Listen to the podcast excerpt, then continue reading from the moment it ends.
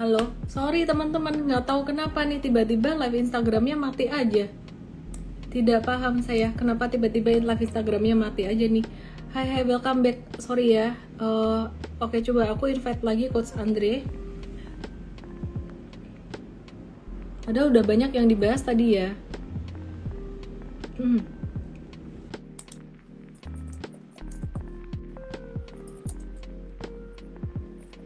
Halo semuanya, halo semuanya. Kok mati? Padahal tadi ada banyak yang nanya nih.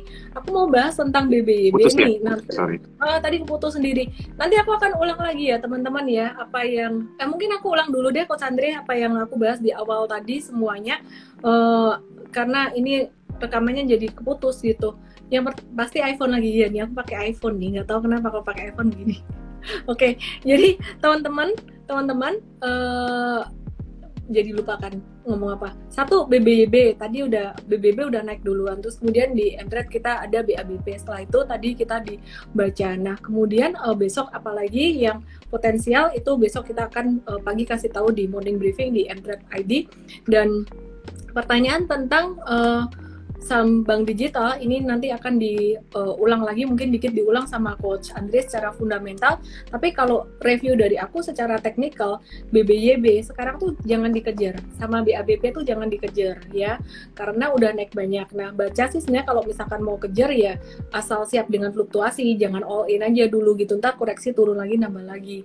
Cuman yang aku suka ya BBYB dengan BANK tuh dia ada ada ekosistemnya. Meskipun BANK nggak naik-naik. Nah tadi coach Andre baru bahas itu tuh. Terus uh, kalau ditanya BBYB targetnya berapa? Aku jawab abis Coach Andre jelasin tentang uh, ini ya, baru aja Coach Andre jelasin tentang BANK gitu.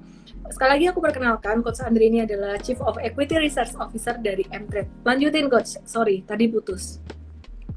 Oke, mungkin untuk BANK lebih ke tadi lagi ngomong ke fee income ya. Jadi kalau saya sih si Alfamart ini fee income-nya cukup besar ya. Jadi kemungkinan besar kalau nanti udah ada partnership uh, saya rasa untuk yang apa fee income dari Alfamart ini bisa si BNK dapat ya. Tapi balik lagi uh, digital bank ini semuanya kan uh, ekosistem bank ya. Jadi uh, basically nanti kita bisa lihat gimana sih si ekosistem ini uh, bersaing dengan bank-bank yang lain. Jadi kalau kita pernah mendengarkan Pak Yaya Maja mungkin minggu lalu jadi sebenarnya story dari digital ini kan ya mungkin untuk saat ini ada 10 digital banking gitu. Tapi kalau kita lihat lima tahun ke depan ya kita nanti mungkin paling tinggal sisa berapa? Mungkin tiga atau empat. Nah itu yang sebenarnya kita mesti tunggu. Dan ini bagi lagi tergantung dengan ekosistem. Nah belum lagi nanti kalau misalnya ada bank-bank konvensional sekarang ini compete with each other ya saya rasa juga pasti persaingan juga akan makin ketat ya. Jadi menurut saya um, saham digital banking saat ini benar-benar lagi hype ya. Jadi kalau saya pribadi ya follow the money aja gitu. Follow the money R kalau misalnya teman-teman nyaman dengan uh, ekosistemnya ya kenapa enggak gitu. Kalau teman-teman nggak gitu percaya dengan ekosistemnya ya udah jangan disentuh. Saya sih uh, ngeliatnya begitu aja sih. Karena menurut saya dalam satu dua tahun hmm. pasti nanti dari conventional banking pasti akan berusaha untuk compete uh, dengan uh, uh, bank digital yang saat ini sedang hype. Hmm, Oke oke, ini banyak yang nanyain targetnya BBYB berapa sih? Bisa nggak sih BBYB ngejar Arto? ini kalau udah kayak gini ya teman-teman ya all time high gini ya kalau udah sampai break all time high saya nggak pernah target. Ya saya nggak pernah target secara teknikal. Mungkin target fundamental ada saya nggak tahu coach Andre target fundamentalnya berapa. Disclaimer juga pastinya. Kalau saya udah chartnya break all time high gini uh, prinsipnya the sky is the only limit. Cie, langsung all in semua nih jangan jangan all in jangan HKHK ini udah agak tinggi tunggu koreksi dikit.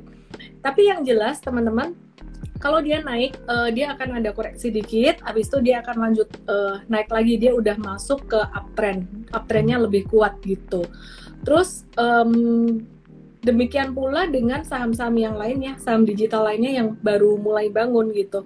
Terus uh, banyak yang nanyain juga untuk apa tadi ya BKSW BKSW dan juga BCAP BKSW dan juga BCAP dua ini juga sama masih bisa naik. Tapi kan nggak mungkin ya kita punya semua muanya beli semua muanya bank QNB ini juga naik uh, masih akan naik sampai ke 326 tapi kalau ditanya aku yang lebih suka BBYB sama BANK itu. Terus kemudian ada lagi BCAP ya. Tapi kalau entret pilihannya apa sih? Besok besok deh besok aku kasih tahu ya uh, becap ini bisa naik juga cuman fluktuasinya agak-agak lumayan. Uh, dia masih banyak resisten. Jadi kalau diperhatikan chartnya di sini ini masih banyak resisten di sini. Nih nih, nih ini masih banyak resisten. Beda dengan ini dia udah breakout dari semua resistennya. Jadi kalau teman-teman nanya uh, targetnya berapa? Kita nggak target secara teknikal. Nggak tahu coach Andre kalau BBB ada target fundamental nggak coach Hmm, BBH belum belum ada target fundamental sih, jadi saya nggak tahu ya uh, value-nya gimana. Mungkin kalau kita lihat number of count kan katanya ada sekitar berapa 5 juta yang active user dua setengah juta ya. Jadi tapi kalau mesti saya mesti lihat dulu gitu data-datanya nanti kalau mungkin di first second quarter uh, gimana cara mereka lo, apa disperse loan. Jadi untuk saat ini lebih ke ekosistem aja sih dari BBYB gitu. Kalau misalnya aku laku punya berapa puluh juta account, ya ekspektasinya masa sih si aku-aku ini nggak bisa corporate mereka punya apa member jadi uh, pemegang bank di BBB.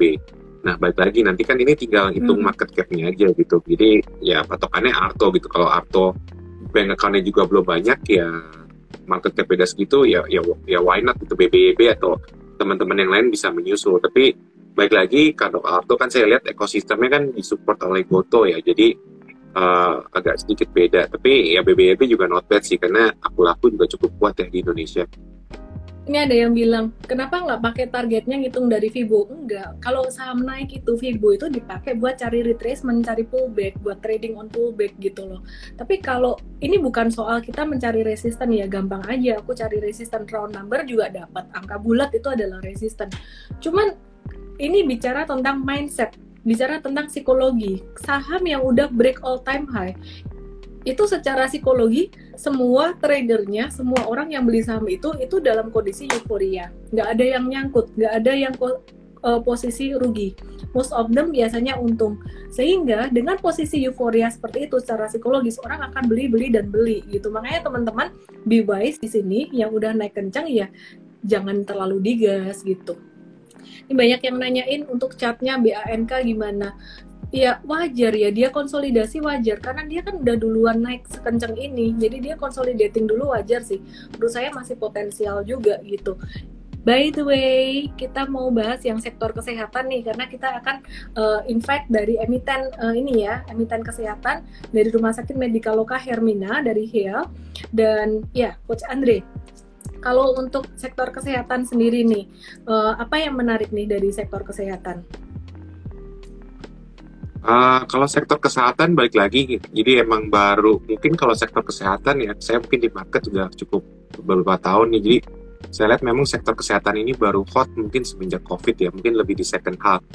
Uh, kalau kita ngomong sektor kesehatan dulu sahamnya banyak yang nggak liquid kayak Mika, kemudian juga Heal, uh, Same pun juga dulu nggak nggak liquid ya. Baru mulai ketika COVID semua saham-saham healthcare ini mulai mulai digandrungi gitu. Jadi sebenarnya kalau kita lihat valuasi untuk dibandingin dengan peers, valuasi hospital di Indonesia sebenarnya masih relatif murah ya. Apalagi uh, Heal ini sebenarnya uh, valuasi juga cukup murah dan kalau kita lihat sebenarnya agresif apa expansionnya cukup agresif gitu uh, untuk apa membuat uh, pet hospital lah hitungannya kalau di kalau di, di, di apa di health service. Jadi sebenarnya untuk COVID plague ini sih memang uh, saat ini masih menarik ya uh, untuk health healthcare ya karena kita masih di pandemi and no one tahu gitu uh, kapan pandemi ini kelar. Mm, mm, mm, mm. Ini ada pertanyaan, gimana caranya agar tidak selalu ketinggalan entry? Tapi sebelumnya aku mau bahas dulu dong tentang BABP. Tadi di awal aku udah bahas, cuman terus videonya keputus gitu. Dan mungkin banyak teman-teman yang baru masuk. BABP ini dia dia akan ngikutin patternnya mirip banget dengan BGTG Bank Ganesa dan sama ini ini juga break all time high juga. The sky is the only limit gitu. Jadi nggak nggak target juga sih. Uh, anyway, M-Trade aku nggak hafal ya karena banyak sahamnya yang direview. Ya BABP ini kita ada di jangka pendek 31 setengah 35 setengah persen. Uh, jangka menengahnya udah 70 83 persen. Kita sempat jual juga beberapa waktu yang lalu sempat sell uh, sempat tradingin jangka pendek. Kalau yang jangka menengah masih hold. Teman-teman ini udah agak ketinggian jangan dikejar lagi. Mungkin besok masih bisa naik tapi udah tinggal ngehold aja. Ya jadi yang masih masih di bawah-bawah tuh baca sih masih mungkin masih bisa lah. Oke. Uh, pilihannya apa? Besok aku kasih tahu di morning briefing ya di Mtrade pagi. Cara cara daftarnya langsung aja ke klik link di bio saya. Um, oke. Okay. aku mau invite dari Medicaloka Hermina tapi sebelumnya saya mau bahas dulu ada satu komen pertanyaan di sini. Gimana caranya agar tidak selalu ketinggalan entry dari Kuang Chen? Dari Kuang Chen bagaimana caranya supaya nggak ketinggalan entry? Ya gimana caranya supaya nggak ketinggalan entry ya? Caranya adalah buy on weakness. Buy on weakness beli ketika masih sideways tapi beli ketika masih sideways itu pun juga ada tantangannya. Uh, karena kita nggak pernah tahu kapan sideways itu selesai ya. Jadi sebagai contoh tuh uh, kayak di M3 tuh kita beli ESA. ESA waktu itu kita buy on weakness beli ketika sideways aku kasih lihat di sini.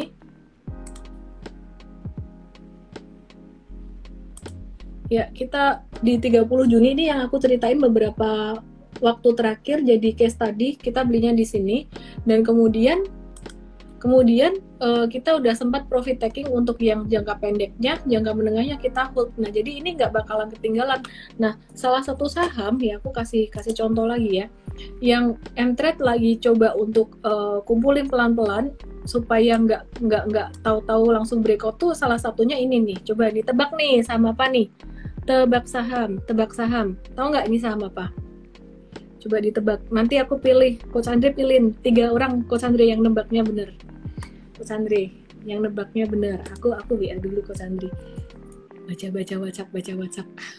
Jawabannya tahu, itu. Tahu tahu. Kelihatan kok dari harganya hafal, Oh kelihatan kelihatan. kelihatan ya harganya ya kecil banget karena. Weh. Oke oke. Okay, okay. Pilih pemenangnya coach. Puspita 039, Aris okay, Yars Oke, udah cukup dua orang aja. Siapa yang kedua? Aris okay. siapa? Aris Diar sih tadi ya. Oke, jawabannya adalah tebik. Jawabannya adalah tebik. Disclaimer ya, teman-teman ya.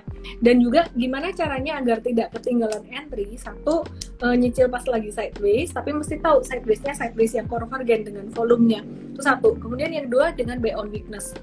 Terus poin yang ketiga adalah kadang kita memang mesti ketinggalan ya. Kalau udah trading breakout, terutama trading breakout, kita harus menerima kenyataan bahwa kadang-kadang kita bisa ketinggalan gitu.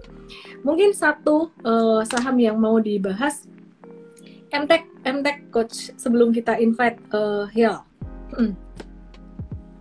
MTech ini tinggal tunggu tanggal 6 ya, cuman nggak tahu ya, ini tadi infonya seliweran katanya orang yang ngebit dibuka katanya dapatnya porsinya lumayan, tapi saya ada cek juga ada yang belum dapat gitu. Jadi saya bingung nih apakah yang placement untuk apa investor retail ini apakah gampang atau susah? Uh, saya nggak tahu. Mungkin teman-teman di sini yang udah dapat uh, buka mungkin bit bitnya dapat berapa persen dari total yang di di bit mungkin bisa info di di komen gitu. Jadi kita tahu lah kurang lebih uh, IPO-nya gimana. Tapi kalau saya cek ke beberapa teman saya ada yang bilang belum dapat ada yang katanya udah dapat dan dapat porsinya juga lumayan. Jadi uh, basically mix. Tapi uh, saya sih ngeliat mestinya sih masih cukup bullish ya untuk MTech sampai tanggal Agustus. Oke, depan saya saat ini udah ada Pak Aristo Setiawijaya. Beliau Halo, adalah Managing Director. Halo Pak. Halo. Managing Director Finance and Strategic Development dari uh, PT Medika Loka Hermina Tbk dengan kode sahamnya HIL. Apa kabar Pak? Sehat-sehat? Sehat, sehat Ellen. Thank you, thank you for having me. Oke, saya yang terima kasih nih Pak mau uh, bergabung bersama dengan kami. Oke, uh, mungkin saya mau nanya dulu satu hal ya sebelum nanti Coach Andre juga mau nanya ini.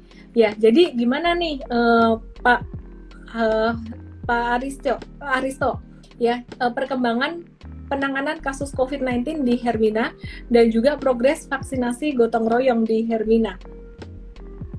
Oke, okay, uh, jadi seperti kita ketahui ya, jadi dari sekitar tanggal Juni 15 sampai Juli 20, situasi itu sangat kritikal. Dan kita berusaha sebaik mungkin untuk menangani pasien inflow yang jumlahnya sangat-sangat besar. Namun memang uh, PPKM ini menghasilkan uh, uh, improvement di mana memang jumlah kasusnya sekarang menurun dan hospitalization rate-nya juga menurun. Nah, dari segi uh, vaksin gotong royong, memang masih ada kendala dari segi supply. Jadi supply-nya itu masih datangnya itu sedikit-sedikit. Um, Hermina, waktu awal kita berpartisipasi untuk vaksin lansia, namun sekarang kita udah switch ke vaksin gotong royong, di mana seperti yang uh, kita ketahui bahwa vaksin gotong royong itu perusahaan yang memberikan sponsorship untuk uh, pegawai, untuk staff dan keluarganya supaya vaksinasinya bisa dilakukan uh, dengan dibebankan biaya ke perusahaan. Nah, vaksinasi gotong royong ini kita juga sudah melakukan vaksinasi cukup banyak, cukup banyak ya ke uh, mungkin udah hampir 100 perusahaan sekarang. Um, namun um, dari segi jumlah pasiennya yang sudah divaksinasi itu memang masih uh, di bawah target. Oke oke. Uh, kalau rencana ekspansi rumah sakit buat tahun 2021 sampai 2022 ini gimana ya Pak ya? Strateginya gimana untuk pengembangan strategis? Ya, jadi seperti uh, kita lihat dari beberapa tahun terakhir ini, memang setiap tahun itu Hermina selalu menambah empat rumah sakit. Jadi kalau dilihat dari lima tahun yang lalu, Hermina merupakan jaringan nomor tiga terbesar. Pada saat ini Hermina telah memiliki rumah sakit paling banyak, ada 42, dan sudah memiliki uh, jumlah tempat tidur paling banyak, jumlah pasien paling banyak, dan juga uh, EBITDA-nya pun terbesar. Jadi Hermina untuk uh, last 12 month itu EBITDA-nya itu udah sekitar 1,4 triliun. Jadi EBITDA Hermina itu memang di atas peer groupnya, di atas Mitra dan Siloam. Nah, untuk ke depannya uh, kita tetap akan menambah empat rumah sakit setiap tahunnya. Uh, potensi dari bisnis jasa kesehatan di Indonesia ini masih sangat-sangat besar karena jumlah tempat tidur itu memang masih belum cukup dan seperti kita lihat um, dengan adanya COVID ini memang sistemnya itu jadi sangat overcrowded. Oke, Coach Andre silakan. Oke, malam Pak Risto, ketemu lagi. Uh, Hai. Pak Risto, hmm, mau nanya, mungkin sebenarnya mungkin biar teman-teman uh, tahu juga ya kan, kita tahu COVID sudah selama hampir dua tahun ya. Kalau kita lihat kan dulu Hermina ini kan ya banyak porsi sebenarnya non-COVID juga gitu. Jadi kalau kita lihat revenue contribution dari non-COVID sama COVID ini shiftingnya gimana ya Pak? Maksudnya uh, habis uh, mungkin PPKM ini apakah udah normalize lagi atau ekspektasinya sampai tahun 2021 banyak kontribusinya earningsnya itu dari COVID. Mungkin bisa dijelasin juga kontribusi earningsnya itu karena COVID ini apakah dari penyakit COVID-19 itu tinggi atau sebenarnya masih dari uh, apa penyakit yang lain yang yang, non COVID itu Pak? Ya. So uh, that's very good question ya. Jadi kalau misalnya kita lihat bahwa dalam COVID ini memang yang terjadi um, satu karena adanya ppkm atau ada lockdown itu pasien memang prefer untuk di rumah. Kedua, waktu awal-awal sekitar TW2, TW3 tahun lalu, memang karena uh, publik belum paham mengenai COVID, mereka takut kalau ke rumah sakit nanti kena COVID, gitu kan ya. Hmm. Nah, hmm. namun kemudian um, familiarity dari masyarakat terhadap COVID ini uh, menjadi sangat baik Bahkan uh, karena sudah mengenal COVID, jadi memang yang terjadi dalam uh, setelah Lebaran itu kenapa cases itu naik itu karena people terlalu layback ya. Jadi mereka pikir bahwa mereka sudah paham mengenai bahaya COVID, jadi uh, mungkin guardnya itu terlalu rendah.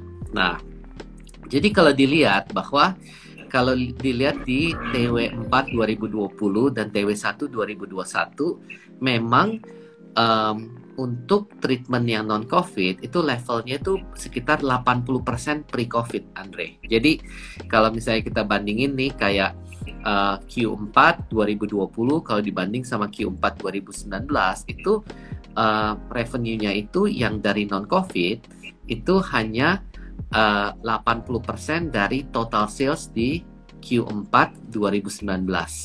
Sebabnya karena memang uh, uh, pasien masih uh, menahan diri uh, sehingga banyak sekali prosedur-prosedur itu ditunda.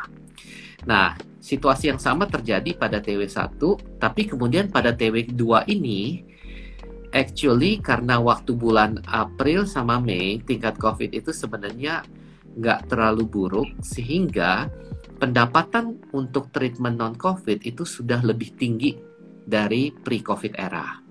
Nah itu merupakan salah satu katalis nih yang uh, dengan kata lain uh, investor melihat ini sangat positif bahwa oh ternyata treatment non COVID-nya itu sudah lebih tinggi daripada uh, zaman sebelum adanya COVID. Nah, jadi menurut saya itu sebabnya karena ada pent up demand nih, Andre. Sebabnya kalau bedanya bisnis kita sama bisnis restoran. Kalau misalkan restoran malam ini kalau kita nggak eat out ya, kita makan di rumah, demand itu kan gone ya. Tapi kalau jasa kesehatan, demand itu cuma di delay. Sebabnya kalau memang butuh prosedur, itu bakal tetap butuh prosedur tersebut hanya saja timingnya ditunggu sampai sudah berasanya nyaman dan aman gitu. Hmm.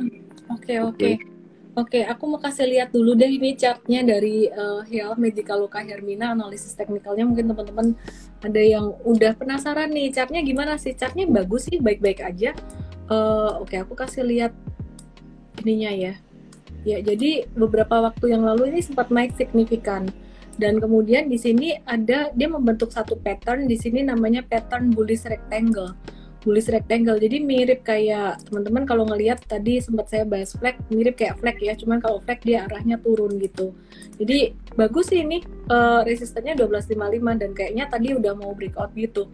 Anyway hill ini juga masuk jadi salah satu watchlist and trade gitu ya. Uh, salah satu watchlist kita. Dan bahkan ini juga menarik untuk jangka menengah teman-teman. Uh, kahil katanya. Oke. Okay. oke. okay Uh, mungkin Coach Andre ada lagi yang mau ditanya okay. sama Pak Aristo. Oke, okay. mungkin mau mau tanya Pak Aristo, mungkin kalau kita ngomongin okupansi bed ya, uh, sekarang itu di level berapa sama normal, apakah uh, mungkin kita ngomongin outlook aja ya, apakah dengan misalnya COVID ini udah redaan, uh, sebenarnya ekspektasi orang terhadap medical service itu gimana ya? Apakah dengan adanya COVID ini sebenarnya jadi lebih health conscious atau enggak?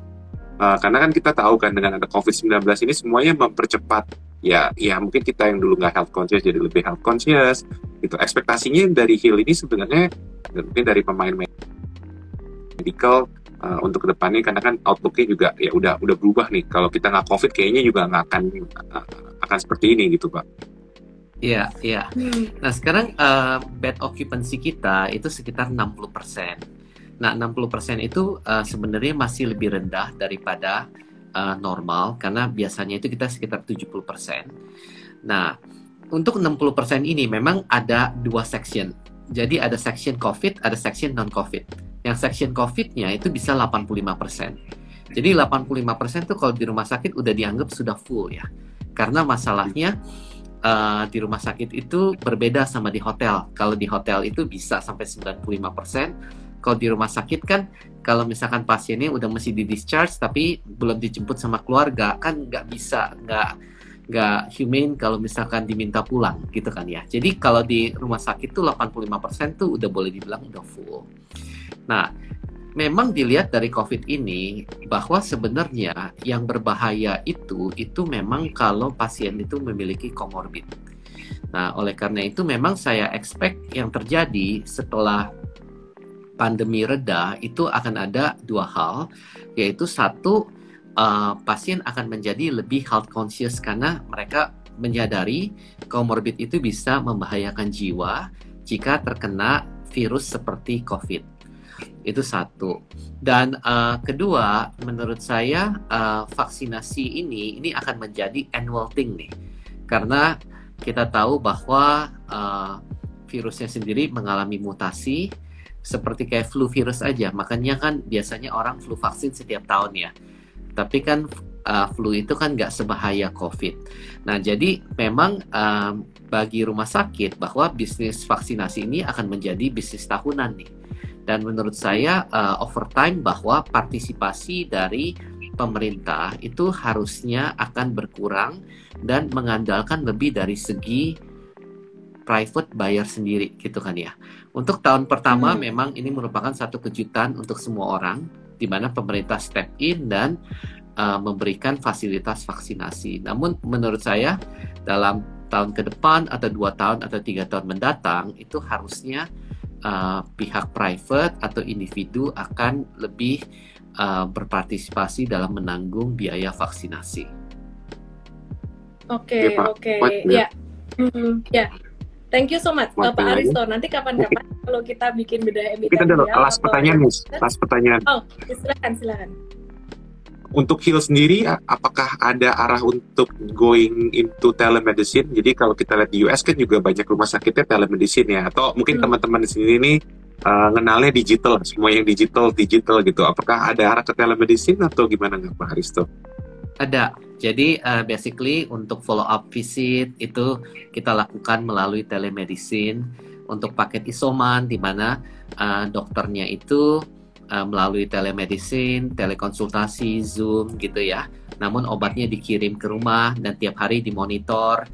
Uh, memang itu menjadi salah satu yang kita lakukan. Um, uh, hanya saja kalau untuk bisnis yang normal ya untuk bisnis yang normal itu tetap uh, visit ke rumah sakit itu tetap akan tetap menjadi mayoritas. Sebabnya kenapa? Sebabnya bisnis rumah sakit itu bukan bisnis dokter umum, bisnisnya itu bisnis spesialis. Kalau dokter umum terjadi di puskesmas atau di klinik dokter umum, tapi kalau rumah sakit itu bisnisnya spesialis. Nah, seperti kita ketahui kalau kita um, ke ketemu spesialis pasti kan disuruh tes darah, disuruh melakukan radiologi, CT scan, ronsen, etc. Bagi pasien kalau cuma konsultasinya melalui online tapi harus tetap ke rumah sakit, pasien bilang oh ya udah saya ketemu aja dokternya sekaligus gitu kan ya. Namun untuk follow up nih, misalkan untuk cek, misalkan kayak untuk expecting mother, awalnya ketemu objeknya langsung, tapi kemudian untuk follow up-nya itu melalui telekonsultasi itu merupakan sesuatu yang sangat convenient dan juga handy. Boleh tanya nggak Pak, spesialis apa sih di situ yang paling memberikan uh, apa namanya sumbangan revenue paling banyak? Ibu uh, kalau saat ini uh, 47% itu dari uh, ibu dan anak ya. Jadi Hermione punya Pak? Kalau bedah, bedah itu uh, belasan persen ya. Jadi besar juga dan juga kardiologi di Hermina juga banyak yaitu dokter jantung. Kita juga lagi mengembangkan Center of Excellence untuk cancer. Jadi uh, ada radioterapi akan segera dibuka di Hermina Bekasi. Hmm, oke oke oke oke. Makasih banyak Pak uh, Aristo. Nanti jangan kapok untuk join dengan event kita. Kapan-kapan kita beda emiten dengan uh, di Zoom, Zoom meeting dan juga mungkin kita nanti akan invite di conference yang berikutnya. Oke, uh, teman-teman semuanya tadi udah banyak banget yang dapat giveaway. Langsung aja DM saya dengan kode EMT7, nama email dan WhatsApp. Dan terima kasih untuk semua yang udah nonton malam hari ini. Terima kasih untuk Pak Aristo uh, dari ya, ya Managing Director dari HEAL dan Medicaloka Hermina. Terima kasih untuk Coach Andre Benas, uh, Chief of Equity Research dari Mtrade. Teman-teman, kalau mau belajar lebih lanjut dengan Mtrade, langsung aja klik link di bio saya untuk gabung dengan Mtrade VIP. Thank you Pak Aristo. Salam profit Thank semuanya. You, Pak Aristo. Bye. Thanks, Andre. Bye.